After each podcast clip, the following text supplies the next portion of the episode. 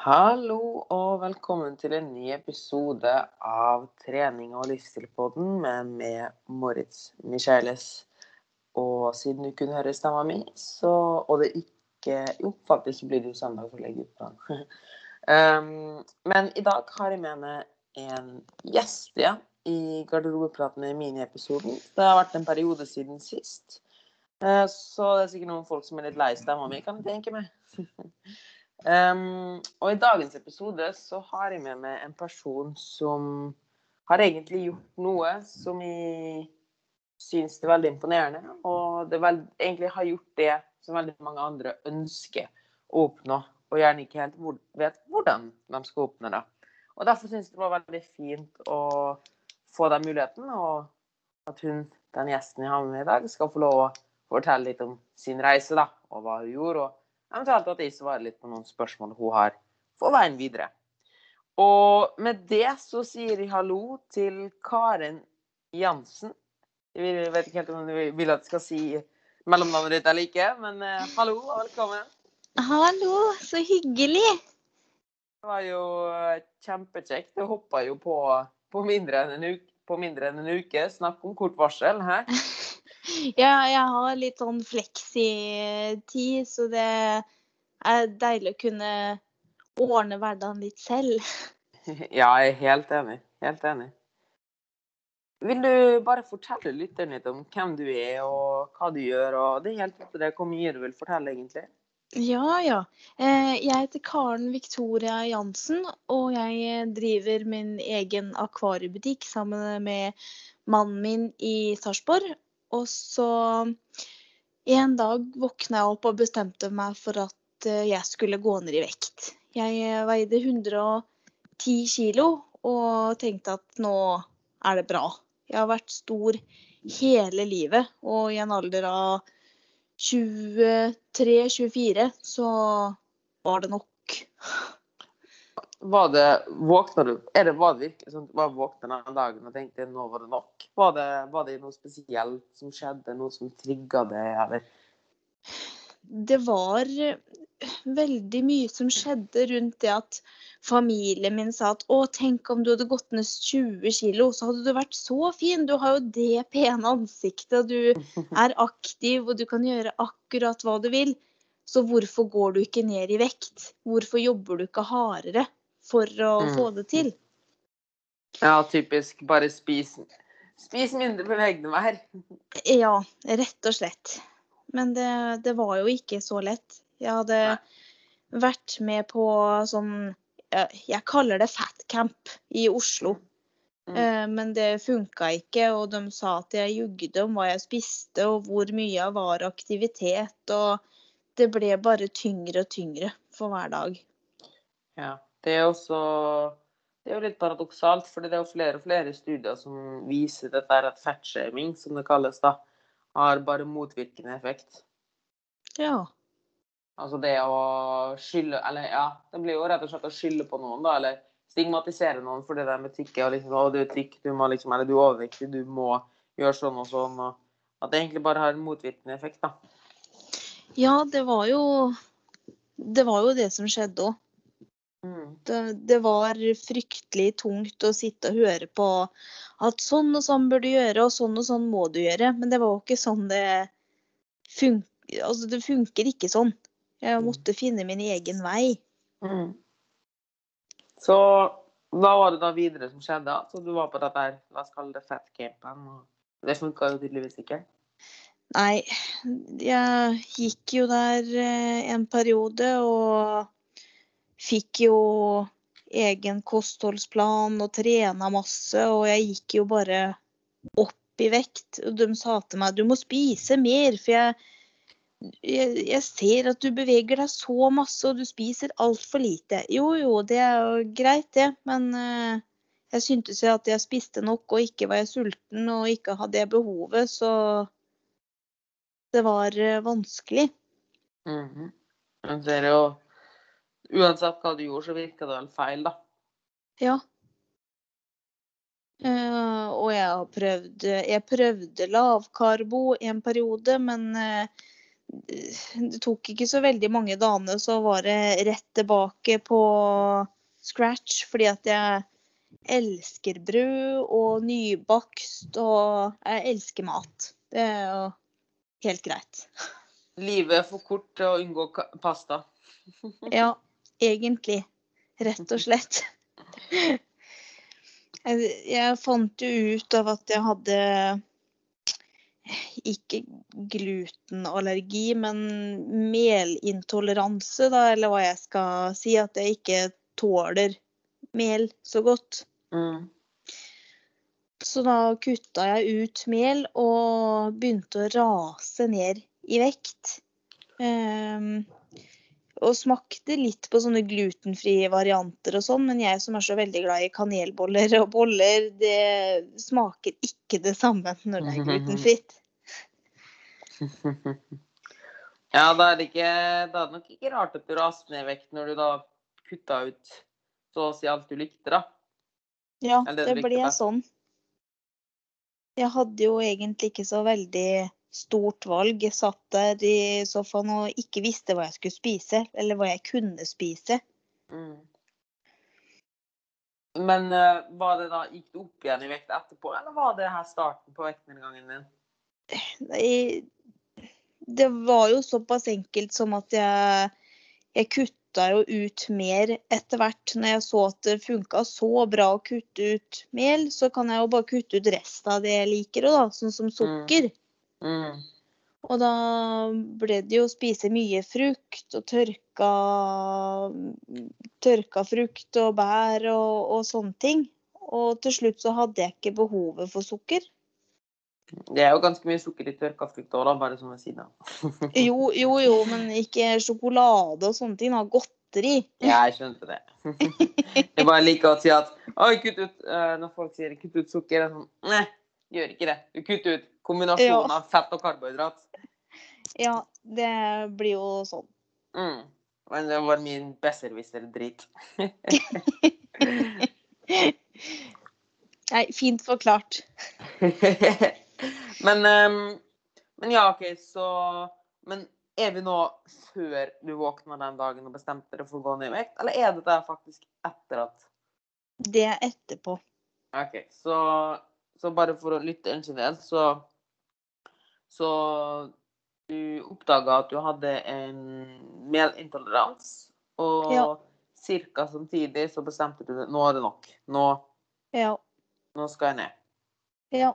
Så det var vel kanskje Jeg tror det som skjedde, da, bare for å reflektere litt rundt det, er jo Fordi du hadde vel sikkert litt magetrøbbel og vondt da slik før den tid? Og følte det dårlig, eller? Ja, jeg hadde egentlig ikke så, så mye problemer med det heller. Mm. Eh, at jeg følte at det var noe vits i å ordne med eller fikse på. Eh, de sa bare på Ja, leger og sånn sa at det måtte jo være noe annet galt. Det var sikkert hormonene mine. Det var sikkert det at jeg satt og jugde om hva jeg spiste, at jeg ikke klarte å slutte med det jeg likte best og, og sånne ting. Og da Da skjønte jeg at jeg måtte finne ut om det var noe mer. Det måtte jo ligge noe under det her, og ikke bare det at jeg var glad i mat. Det er jo veldig fælt å si, um, men det var jo det.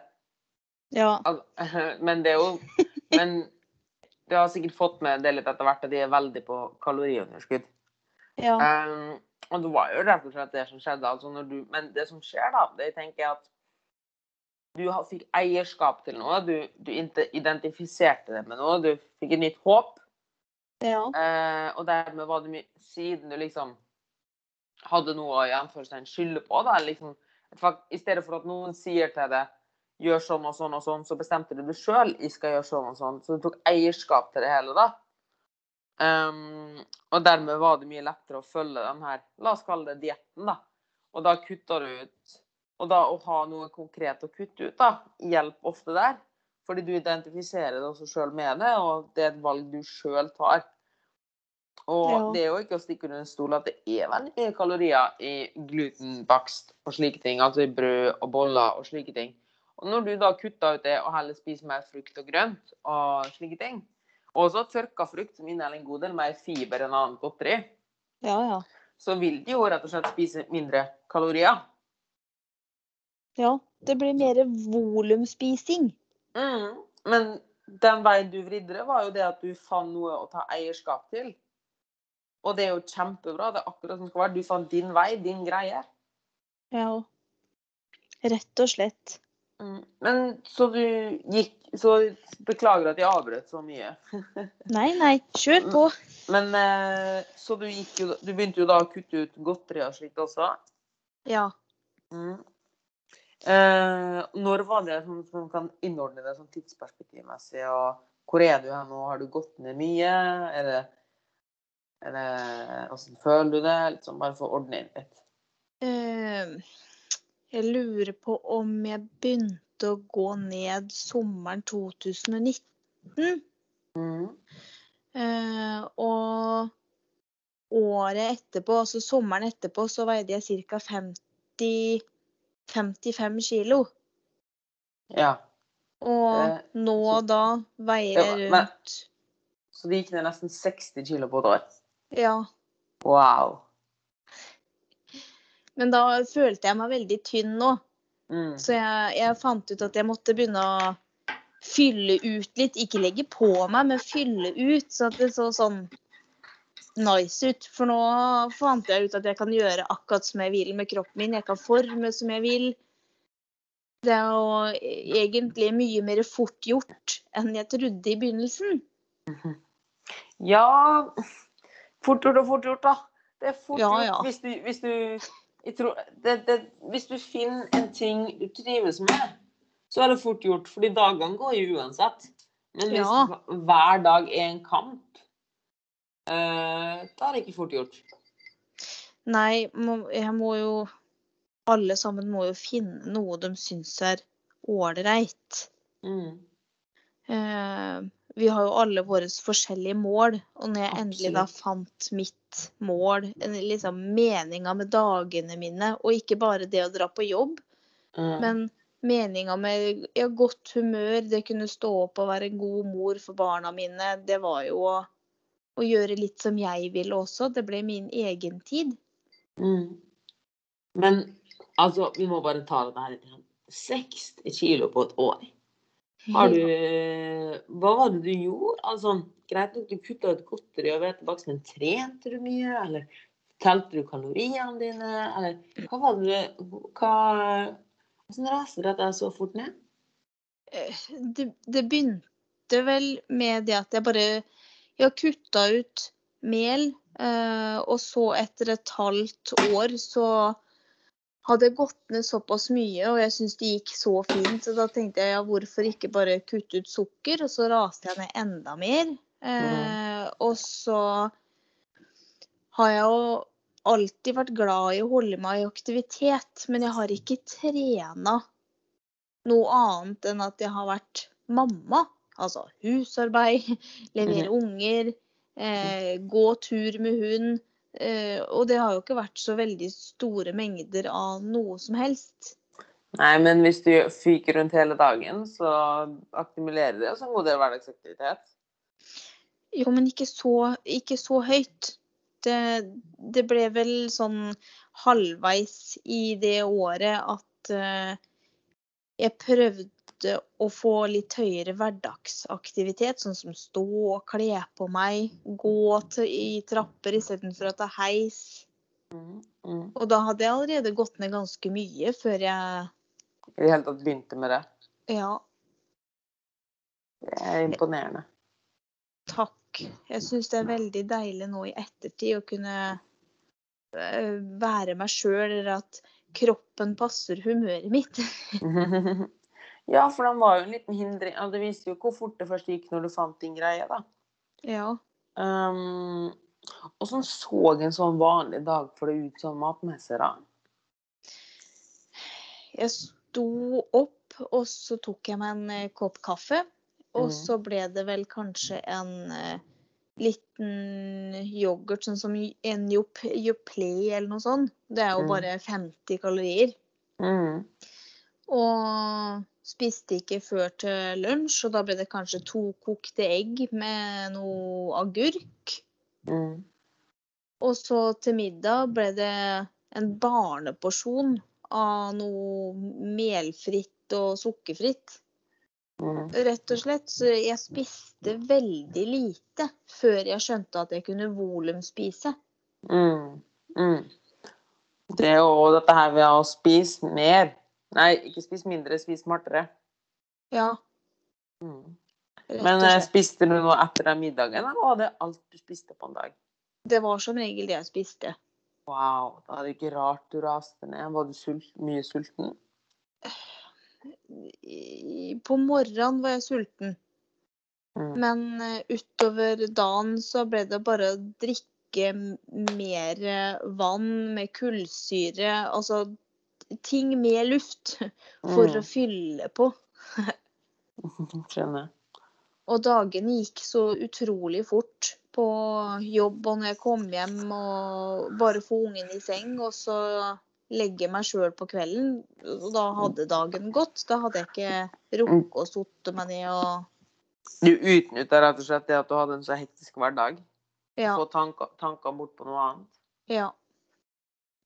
Det, men ja, og så oppdaga du volumspisinga. Ble det litt mer mat etter hvert, da? Eller? ja, ikke kalorimessig, men jeg kan jo fint spise en hel isbergsalat til lunsj. Mm. Bare sitte og møle den med noe sukkerfri suragurker eller noe sånne ting. Det er jo bare, bare vann. Men jeg spiser jo mye mer nå enn det jeg gjorde før, Mm. På en måte. mm.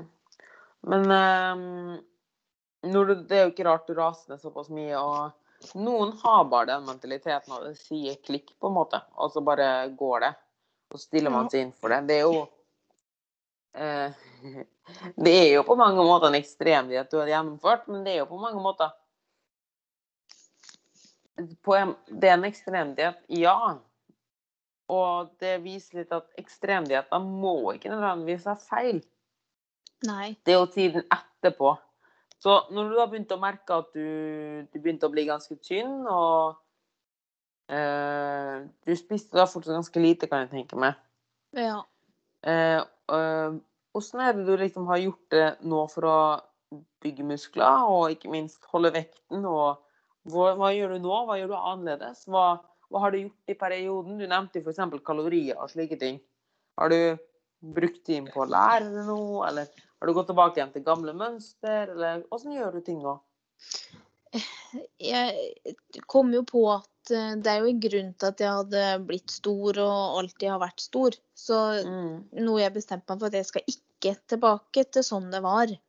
mm, Eh, Så jeg lasta ned en app i fjor sommer og begynte å telle kalorier og prøve å få, få litt oversikt over hva som sto bakpå innholdsfortegnelser, hvor mye jeg faktisk fikk i meg av ting. mm, mm, Og så dura det og gikk sånn noenlunde fram til jul. Og mm. da tenkte jeg at jeg trenger litt hjelp til å finne ut av akkurat hva kroppen min trenger. mm, hvis jeg skal holde meg der hvor jeg er nå. mm, Så jeg fikk hjelp av en eh, personlig trener som eh, satte opp eh, ikke matplan, men ja, hva jeg trenger av proteiner og karbohydrater og fett osv. Og, så videre, og så Mm. legger jeg inn alt jeg spiser på mm, den appen. mm. Gjør du det frem til i dag? Ja, jeg kommer Mm. nok mm. til å fortsette med det òg, selv om ting har begynt å bli eh, på en måte en vane. Og jeg Mm. merker på kroppen min når jeg har fått i meg det jeg trenger. Jeg blir på en måte mett Mm. når jeg har fått i meg det jeg trenger. Når du, når du begynte å telle kalorier, Ja. eh, fikk du en liten aha-opplevelse over hvor lite du hadde spist og hvor mye du skulle spise? Spesielt når han der en person Jeg kan tenke meg veldig lenge at når du da hadde gått ned i vekt og begynt å telle kalorier på egen hånd, og begynte å sette deg inn i det, at du var veldig redd for å spise mer?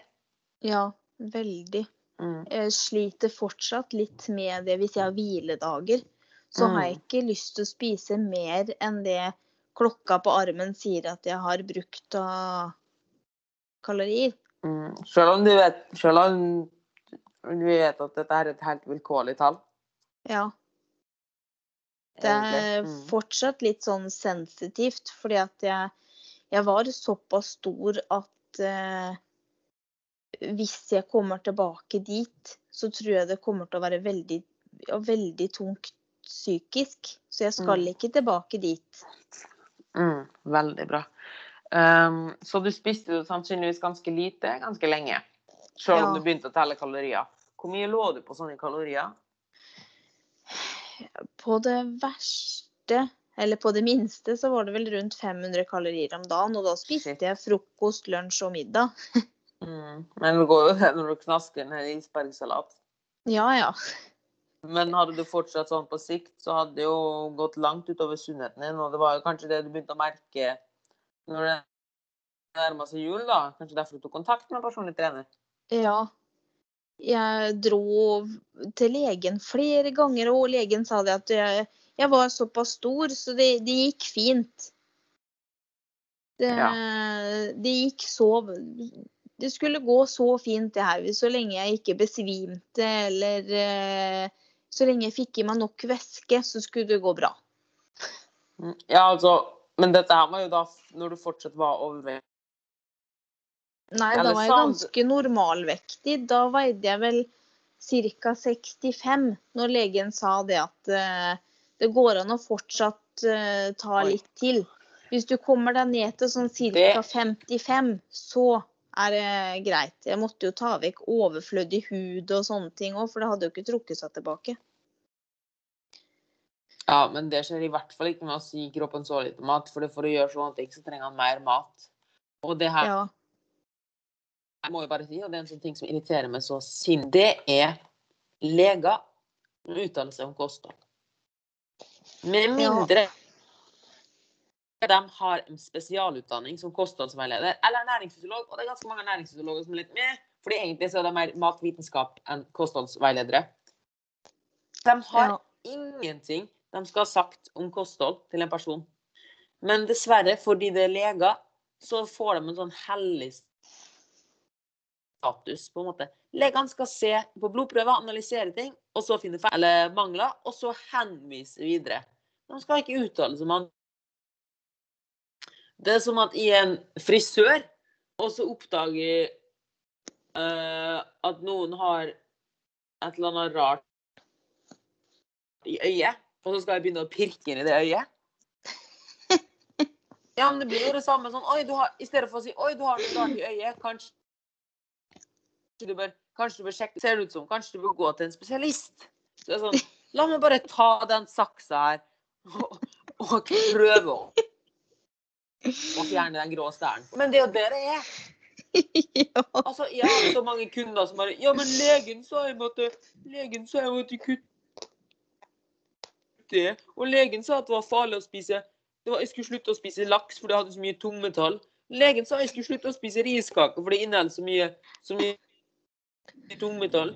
Å, men legen min sa at de måtte kutte ut melk, fordi det, fordi det er kun kuer som drikker Nei, kalver som drikker melk. Åh, og så det det skaper så mye matfrykt og drit. Og det er sånn, ja, og så er det sånn, prøver vi å si da, som bare er kostholdsveileder, i. Ja, men dette har jo ingen praktisk betydning. Altså, mengden ris kan ikke du må spise, for det er helt latterlig. Eller ja, sånn, men det er sånn det er. ja, fordi de har lest i en eller annen bok eller noe sånt, og, men ikke den praktiske betydningen. Ja, jeg har hatt noen inne som fikk beskjed at de skulle slutte å gi ungene leverpostei fordi det inneholder for mye jern. Ja. Fordi det kan jo være farlig å spise for mye jern. Og så og så, ja, du må spise to bokser med leverpostei hver dag. Gratulerer. Hvis du klarer det, så tror jeg du har langt større dette. Ja. Så det var en liten rant der. Men Så du skjønte jo da på egen hånd at det var noe Mikusk som eh, At det var kjent ubehagelig, og at du trengte hjelp fra en annen side, og tok da kontakt med PT. Ja. Og jeg kan tenke meg at han da så, hadde analysert hva du spiste, så hva du spiste, og så sa nå må du spise mer. Ja. Og hun var veldig forsiktig med det. Det var én PT som hadde sagt at nei, nå må du ta deg sammen. Du må spise over dobbelt så mye hvis du skal overleve. Og da fikk jeg litt eh, panikk og fant meg en annen PT. Ja. Hun sa at vi, vi tar det rolig. Vi øker forsiktig. Mm. Og det var Mm, mye mm. det er- lettere. Absolutt. Skape trygghet i det. Og det, her det er altså den sunneste måten. Det kalles reverse dieting. Fordi kroppen din er jo på et krisestadium. Har jo skrudd av alt. Det er det mange misforstår med ødelagt forbrenning.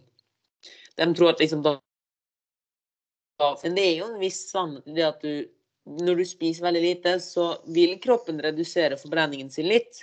Men det aller største som skjer Du går jo beveger deg som en zombie i hverdagen. Selv om du får gjort ting, så gjør du ting mye treigere, du fikler mye mindre. Og alle prosessene i kroppen bruker mindre tid. Så. Så det å da bare stille det rett opp på i anførselstegn, normale kalorier for din kroppsvekt og din aktivitet Ja. blir ofte ganske feil, fordi du har jo faktisk redusert for en viss grad. Og det å da sakte, men sikkert bygge opp har jo da den mentale biten, som er veldig positiv. Og ikke minst at kroppen etter hvert skjønner at å ja, men jeg har mer kalorier å gå på, jeg kan sløse litt, jeg kan bevege meg mer. ja. Så sannsynligheten for å bygge opp meg er mye, mye mindre. Men det som er viktig, er jo at jeg kan tippe at hun la et hun ga inn et kraft, eller ikke et kraftig opp, men i hvert fall satt opp et, et ganske høyt tak. Det var ikke sånn og du spiser 500, nå går vi opp til 550. Nei, det, det Mm. var mm. eh, Først så var det at jeg skulle komme over 1000. Mm. Og så var det 1450, og så var det 1005. Og så Mm. nå er jeg på 1008. Mm. Som den lille jenta du er. Altså, du er jo ikke særlig høy og særlig stor. Nei, ikke nå. Det er litt rart. og du raser vel ikke opp i vekt for den del? Nei, jeg gjør ikke det. Mm. Jeg trener jo i hvert fall to timer om dagen. Såpass, ja. Er det da full intens kjør, eller er det sånn Ja, det er jo eh, Åssen sier jeg cardio. Eh, Mm. I hvert fall tre kvarter. Eh, Mm. Eller da intensivt fem kilometer som Ja. oppvarming. mm. Og så er det styrketrening etterpå. Jeg har eh, fått et visst program som baserer seg på de store muskelgruppene først. Mm. Mm. Og så får vi ta det litt deretter. Det blir Ja. å øke sånn sakte, men sikkert. Mm. Ja, fordi tipper at med den treningsmengden, så kan du nok Må du nok For jeg tipper ikke at du raser i vekt ennå. Nei, jeg har vel ikke gått opp noe sånn særlig en to eller tre kilo. Men jeg har senka fettprosenten og veldig, Mm. så de musklene jeg hadde fra før av, de kommer jo fram mye mer. Mm. Og så er det jo sannsynligvis mye av den vekten er jo bare det at muskulaturen har fått glykogen Altså du har fylt opp glykogenlagrene i musklene. Ja. Um, Det er jo vann. Yes. Så du har vann inni muskulaturen, og i tillegg så har du bare mat i magen. Ja. Så det viser jo at det er jo litt sånn Setter ting litt i perspektiv, da. Det du gjorde, var det beste du kunne gjøre etter en ekstremdiett. Du forsto Fordi det folk flest hadde gjort et- En av to scenarioer, da. En er du hadde havna en skikkelig heftig spiseforstyrrelse eh, og bare fortsatt nedover. Eh, og til du hadde måttet bli innlagt. Det andre er som du gjorde, at det tok eller det, Og det andre som som regel skjer, er at man holder på litt til. Og så merker man at det her går ikke, nå slutter jeg. Faller Ja. tilbake til gamle mønster. Og, og fordi kroppen er på et såpass lavt steg og skriker etter mat Når du først da åpner opp og liksom Ja, ja, men jeg er jo i mål, nå kan jeg gjøre som jeg vil. Ja. Så vil den jo suge til seg alt den kan av mat. ja Og rett og slett. Du legger på det som en flekk. Og det er det folk Det er mange som har gått ned nesten like mye som det du har. Men de glemmer den. De tenker nå er det ferdig. Og det å bare da ikke ha noen restriksjoner eller noe sånt, fordi kroppen på det stadiet er sultefòra. Hvis du bare gir dem frie tøyler, så bare, så bare døser det på. Du har, fordi du har levd på diett frem til nå. Du har ikke levd på du har ikke levd et vanlig kosthold, du har levd på diett. Hvis du Ja, tenker ja. at du er ferdig med dietten og bare ja, men nå kan du jo spise det jeg vil. Kanskje. Hvis du ikke hadde vært så sulten, så hadde, du, hadde det kanskje gått. Men alt av metthet og sulthetsfølelse i kroppen din er bare helt på luba. Så hvis du bare gir det frislipp, så kan du nesten garantere at du bare på, hi, kyllene bare lasser på seg. Fordi kroppen skriker etter mat, og du har litt redusert forbrenning. Ja. Um, så det var jo litt det jeg snakka om i den siste Garderobepraten mini-episoden. Den um, Jeg vet ikke om du har hørt den, men det var med problemet med intuitiv spising. Eller spise Ja. intuitivt. Det er jo nettopp det som skjer. Altså, hvis du har ja, manipulert kroppen såpass mye til å spise så lite, og så skal du i anførselstegn begynne å spise intuitivt etter at du et år har gjort alt annet enn å spise intuitivt, du har sultefôra kroppen, og så bare Ja, men nå skal jeg bare spise intuitivt. Bra. Det går ikke bra. Nei. Så det at du tok ansvar der, og skjønte at ja, men jeg er langt ifra i mål Nå har jeg gjort første steget, fordi alle kan sulte seg ned i vekt. Alle kan det. Ja, ja. Men det å ta ansvar etterpå, og fortsette, det er jo det som er vanskelig. Det, Ja, jeg har merka det. Mm. Og det er der du har tatt motet til nå, den mentale delen av det, liksom det å fortsette å stå i valgene dine og skjønne at ja, men den her, det er noe som aldri blir ferdig. Det der eh, fortsetter resten av livet mitt. Ja, Og, det har jo blitt sånn. Mm, men jeg tror Fordi du er jo på like spiseforstyrrelse når du er overvektig som du er undervektig.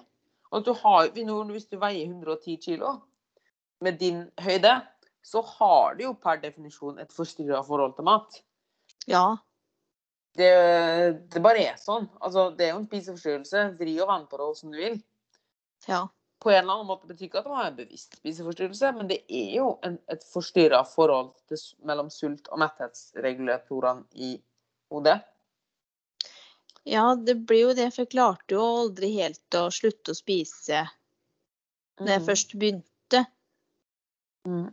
Og da må man bare akseptere det. At liksom, ok, det er jo litt sånn, det er litt sånn som at og, sånn, og dessverre da, så er det sånn i dagens samfunn at alt er jo lagt opp til at vi skal få en fucking spiseforstyrrelse. Ja. Altså, maten er så god som aldri før. Du skal slippe å bevege det. Men samtidig så ser du alle som hopper rundt som sånn fitfluencers og Og er sånn, Alt er jo lagt opp for det. Altså, det å forvente at nei, nei, bare tuttle og gå som vanlig, du. Eh, det er ikke noe som skal skje her. Og det er liksom stikke alt dette, alle disse problemene under en stol, blir så tullete. ja. Og Du- Jeg Det- leste jo en plass at uh, vi hadde aldri spist sunnere uh, som nå, men vi hadde aldri vært større som nå heller. mm. Så vi har nok bare begynt å spise mer nøtter. Ja, eller du har ekstremene på begge endene, da. Og ikke minst at vi beveger oss mye, mye mindre. Ja, pga. koronaen sikkert. Ja, det er jo en ekstra bumper, men bare generelt. Altså, før i tida eh, Det er en veldig sånn spennende ting. Men du måtte invest, desto, det er sånn paradoks at desto mer du energi, Eller det tok energi å produsere eller få tak i mat, ikke sant? Ja. Og det kom et tidsperspektiv. OK, nå har jeg dekket dagsbehovet mitt. Hvorfor skal jeg jobbe enda mer for å få mer mat? Fordi vinninga går jo opp i spinninga. Ja, ja.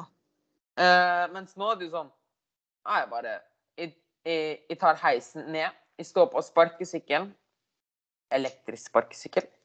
Til butikken. Så går jeg inn i butikken, kjøper sjokoladen, går ut av butikken, tar sparkesykkelen og tar heisen opp igjen.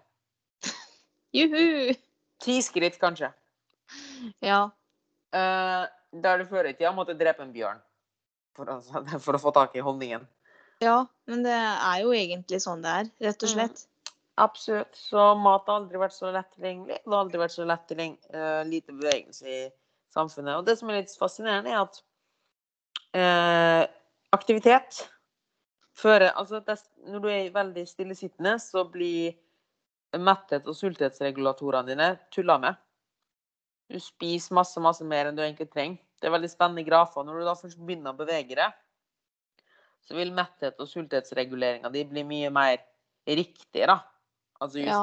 I forhold til altså, at du spiser så mye som du forbrenner, cirka.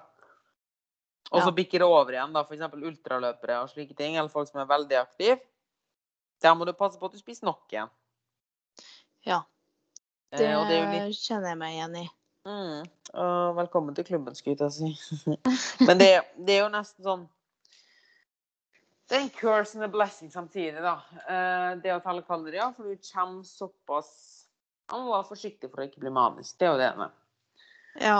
Eh, men man kommer såpass inn i det og ser alle de løsningene for å spare kalorier, da. Og vi mennesker er notorisk gjerrige. Vi vil jo alltid ha mest mulig bang for your buck, da. Ja, det er jo sant. Så både I og Lloyd har jo snakka om det at vi snakker om at det er så vanskelig å spise nok. Men det er jo egentlig ikke det. Det er jo bare det Nei. at vi kvier oss for å spise den peanøttsmøret, den cashewnøtteren og slike ting, fordi vi vet hvor dyrt det er i forhold til kalorier. Ja. Så vi vil jo helt naturlig alltid velge lettisen, selv om vi er god, som helt fint kunne valgt den feiteste Ben Jerry's. ja, Men sånn er så kalorimessig, ja. Mm, men det er så dårlig Det er så dårlig deal, da. Dårlig bargain, altså med tanke på hvor lite du får for mye kalorier. Selv om det er nettopp det vi trenger. Ja, egentlig. Mm, men jeg syns bare det er så fascinerende hvordan du gikk fra en ekstremdiett, for det var det da, til å forstå at du trossa legen og skjønte at ja, men dette her er ikke riktig. Og gikk til PT. Først fikk du totalt hetta. Gitt det fortsatt ikke opp. Gikk til en ny PT. Fikk hjelp. Og begynte å bygge opp herifra. Ja. Det er jo ekstremt fascinerende. Takk. Åssen Og det og bare sett ting som et perspektiv. Folk er sånn Å, hvor mange kalorier skal jeg? Hvor mange kalorier skal jeg? Hvor mange, hvor mange kalorier trenger jeg? Du setter jo på spissen for å vise hvor variert kal- kaloriinntaket kan være. Og at Ja. man må justere dette hele veien. Si meg, har du veid det mye? Eh, når jeg holdt på å gå ned i vekt, og fram til eh, jul, da veide jeg meg i hvert fall én gang om dagen. Mm. Så det var veldig ekstremt. Men eh, min PT sa at jeg skulle begynne å veie meg én gang i uka. Og hver dag jeg veide meg, så var hele dagen ødelagt. Fordi enten så hadde jeg drukket kanskje en halv liter vann før jeg gikk på vekta, eller så hadde jeg akkurat vært på do, eller så hadde jeg ikke vært på do. Så jeg, jeg ødela dagene mine hele tiden. Så jeg måtte bare slutte å gå på vekta, og så bare fokusere på hva jeg fikk i meg, og hvor mye jeg bevegde meg. Mm. Har uh, dette forholdet blitt helt bedre til vekta nå? Ja, mye bedre så lenge jeg ikke veier meg. Jeg måler meg innimellom bare for å ha en sånn viss idé om at uh, at de store muskelgruppene ikke har blitt sånn drastisk mye større siden forrige måned.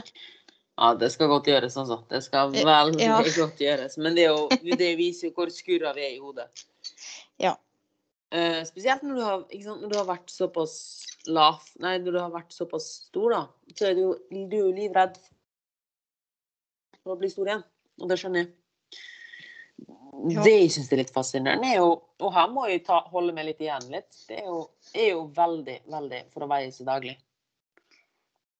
For å avdramatisere. Ja. Kan du si meg, bare sånn ved siden av, jeg skal ikke blande meg inn, det her er folk, som sier, folk er veldig forskjellige. Um, loggførte du den daglige vekta? ja. Jeg hadde Så- eh, en sånn åpen notatside på telefonen hvor jeg skrev opp hva jeg veide hver dag, og hvor mye Altså hvor mange centimeter det var rundt magen, f.eks. For, eksempel, for det har alltid vært et sensitivt område. Så du målte begge hver dag? Ja. Det, det er litt mye. ja. Men du, had, du førte det aldri inn i en app eller noe slikt, eller en graf eller noe slikt? Nei, det var vel først uh, etter at jeg fikk meg den uh, appen, så begynte jeg å gjøre det én gang i uka hvor jeg loggførte hva jeg veide eh, på appen. Mm. For det jeg ofte ser da, når folk begynner å loggføre dette i en app eller får opp en graf, de begynner å få, kan zoome litt ut. da. De begynner å skjønne at daglig vekta Og det pleier jeg å si. Jeg, vil at, jeg ønsker at folk gjerne skal veie seg daglig. Det vil jeg. Ja. For å avdramatisere det hele.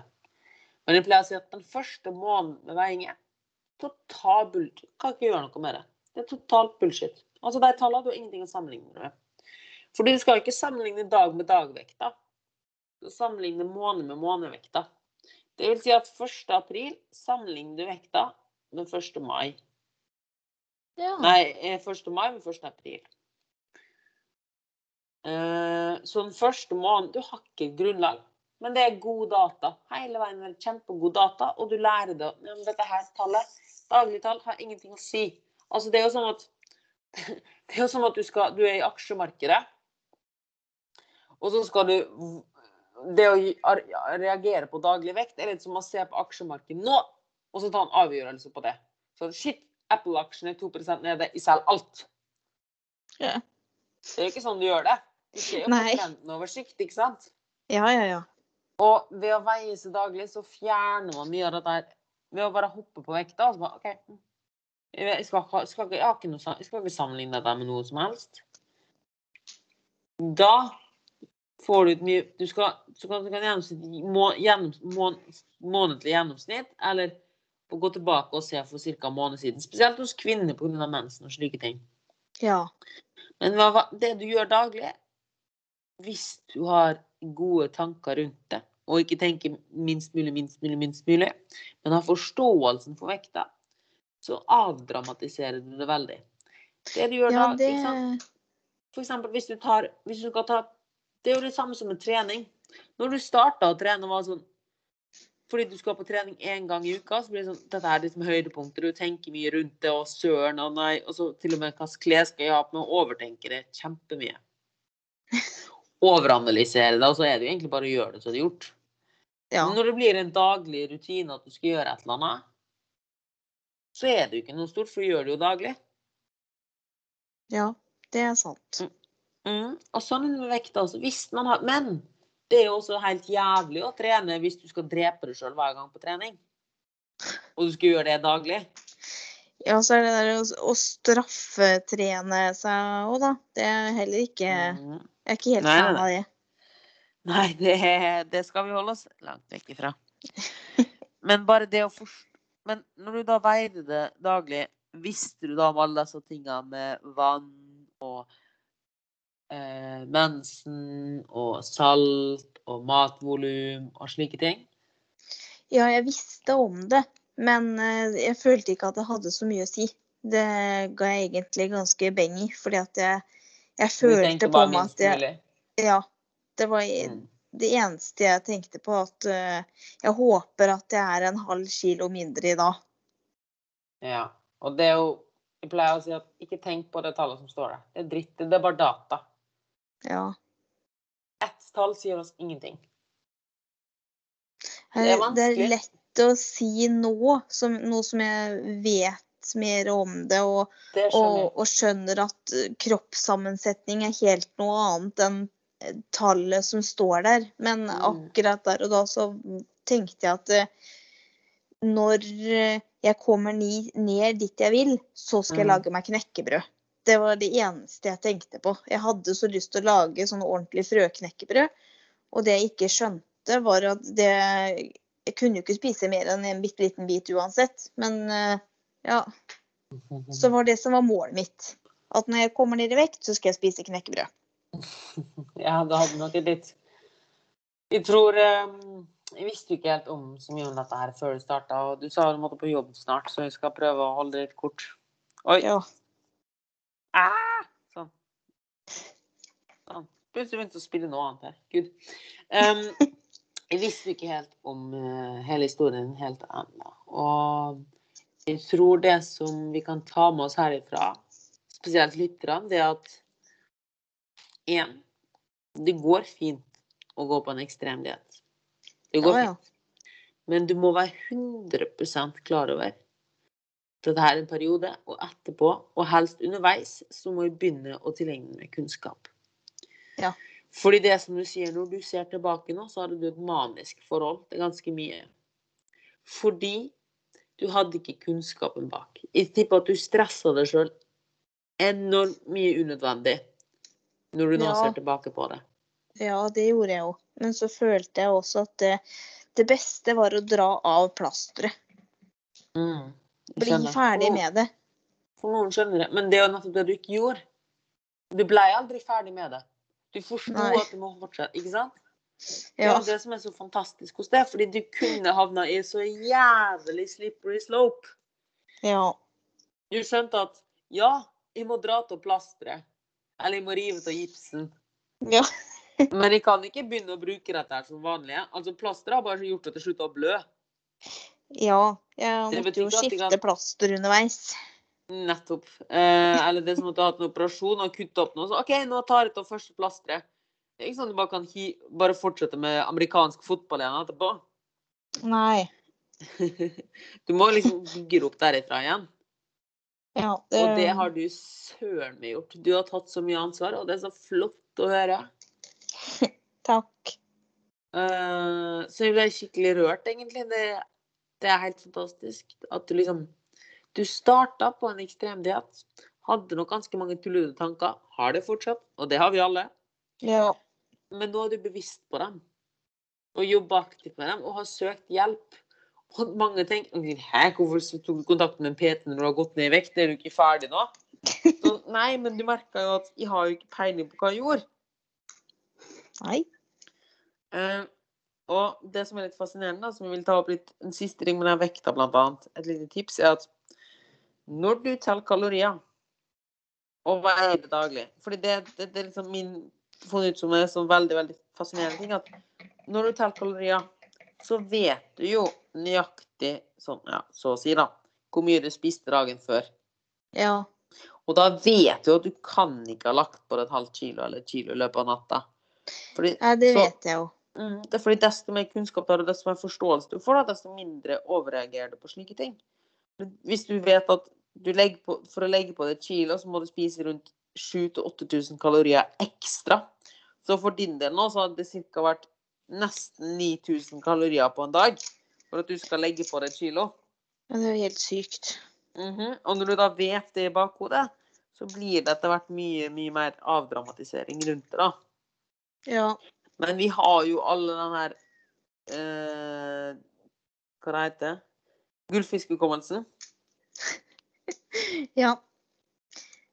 Men det Det viser jo jeg Føler du at du er på et sted nå? Ja, mye bedre enn det det var. Nå kan jeg gå gjennom en hel dag og huske alt sammen, og ikke bare bruddstykker i løpet av én Mm. dag. Og jeg går ikke rundt og er svimmel og Ja, det var jo Det var på ingen måte sunt, som du sa. Og det er jo det vi prøver å si til mange, at sunnhet det er sunnhet, og det å gå i vekt, vekt underskudd, eller det to her Sunnhet og gå ned i vekt er to stikk motsatte ting, det. Ja. Du gjør jo per definisjon det motsatte av sunnhet når du går ned i vekt.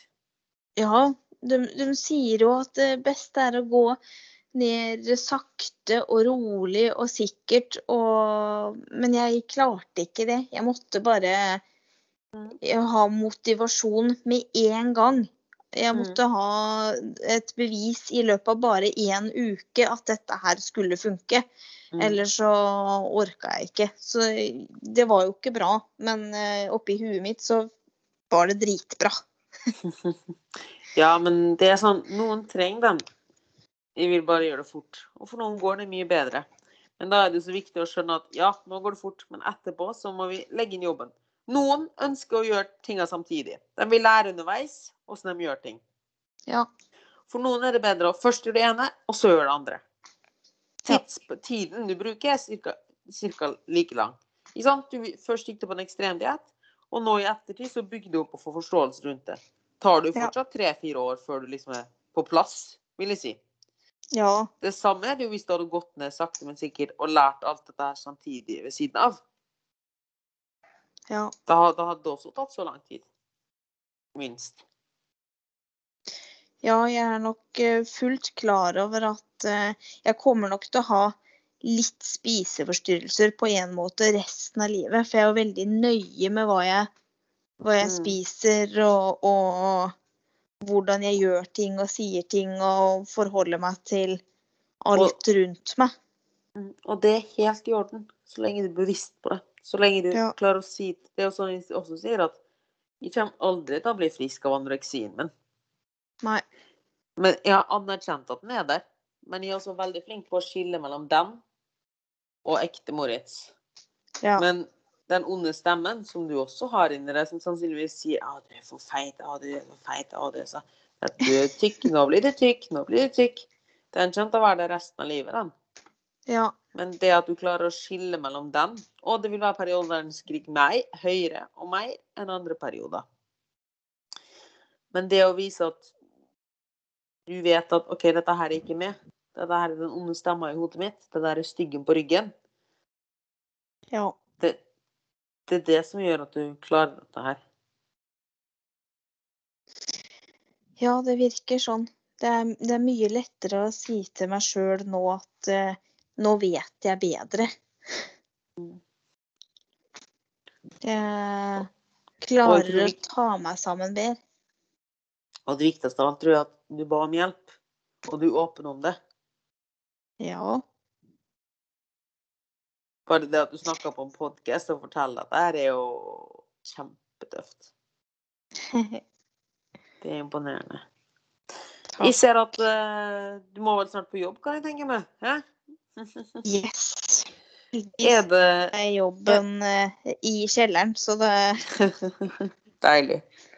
Ja. Uh, syvende og sist, så Et siste spørsmål jeg pleier å stille gjestene mine, er Hvis du hadde møtt deg sjøl med den kunnskapen du har i dag, for ti år siden, Mhm.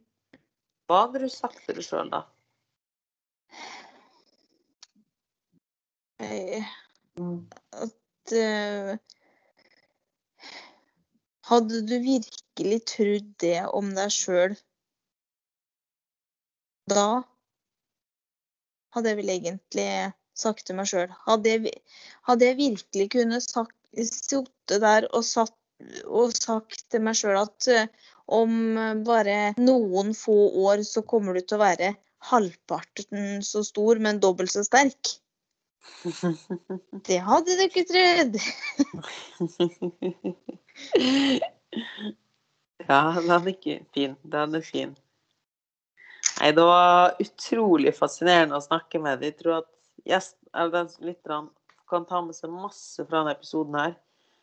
Um, jeg vil bare si helt til slutt at hvilken vei du velger, om du velger en ekstrem diett eller en annen vei, enn hva det er, så det viktigste du gjør, og som Karen avis der, er at du må tilegne deg kun- kunnskap og få forståelse for det du gjør.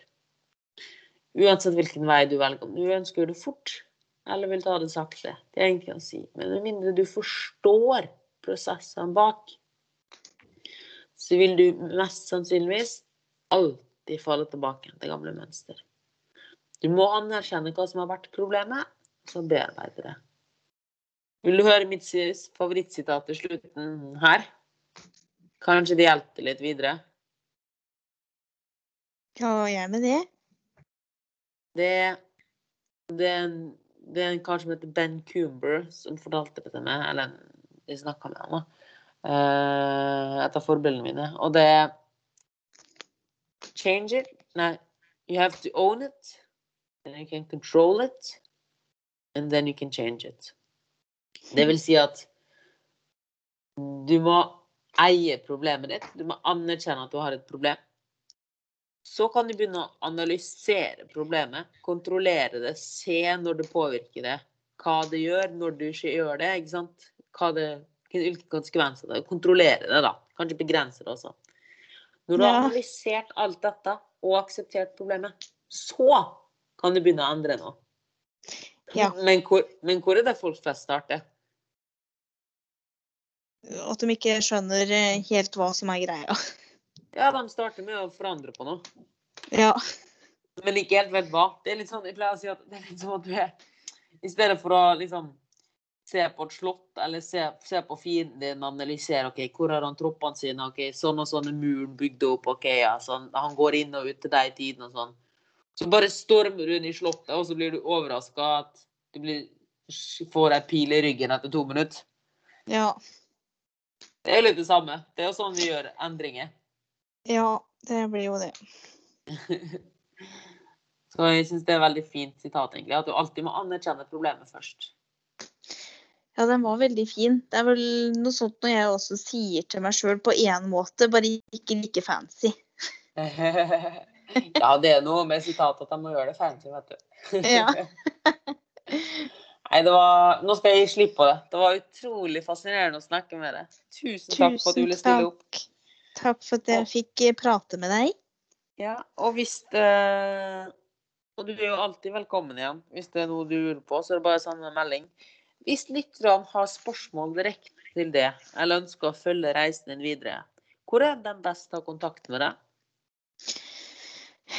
Det er jo bare å sende melding på Instagram, så sunn supermamma. Mm. Jeg skal linke til den i shownotene, altså under episoden. Hvis det er greit. Så hyggelig. Så får du kose deg på jobb i dag. Jo, takk du òg. Takk. Så Ha det. Ha det.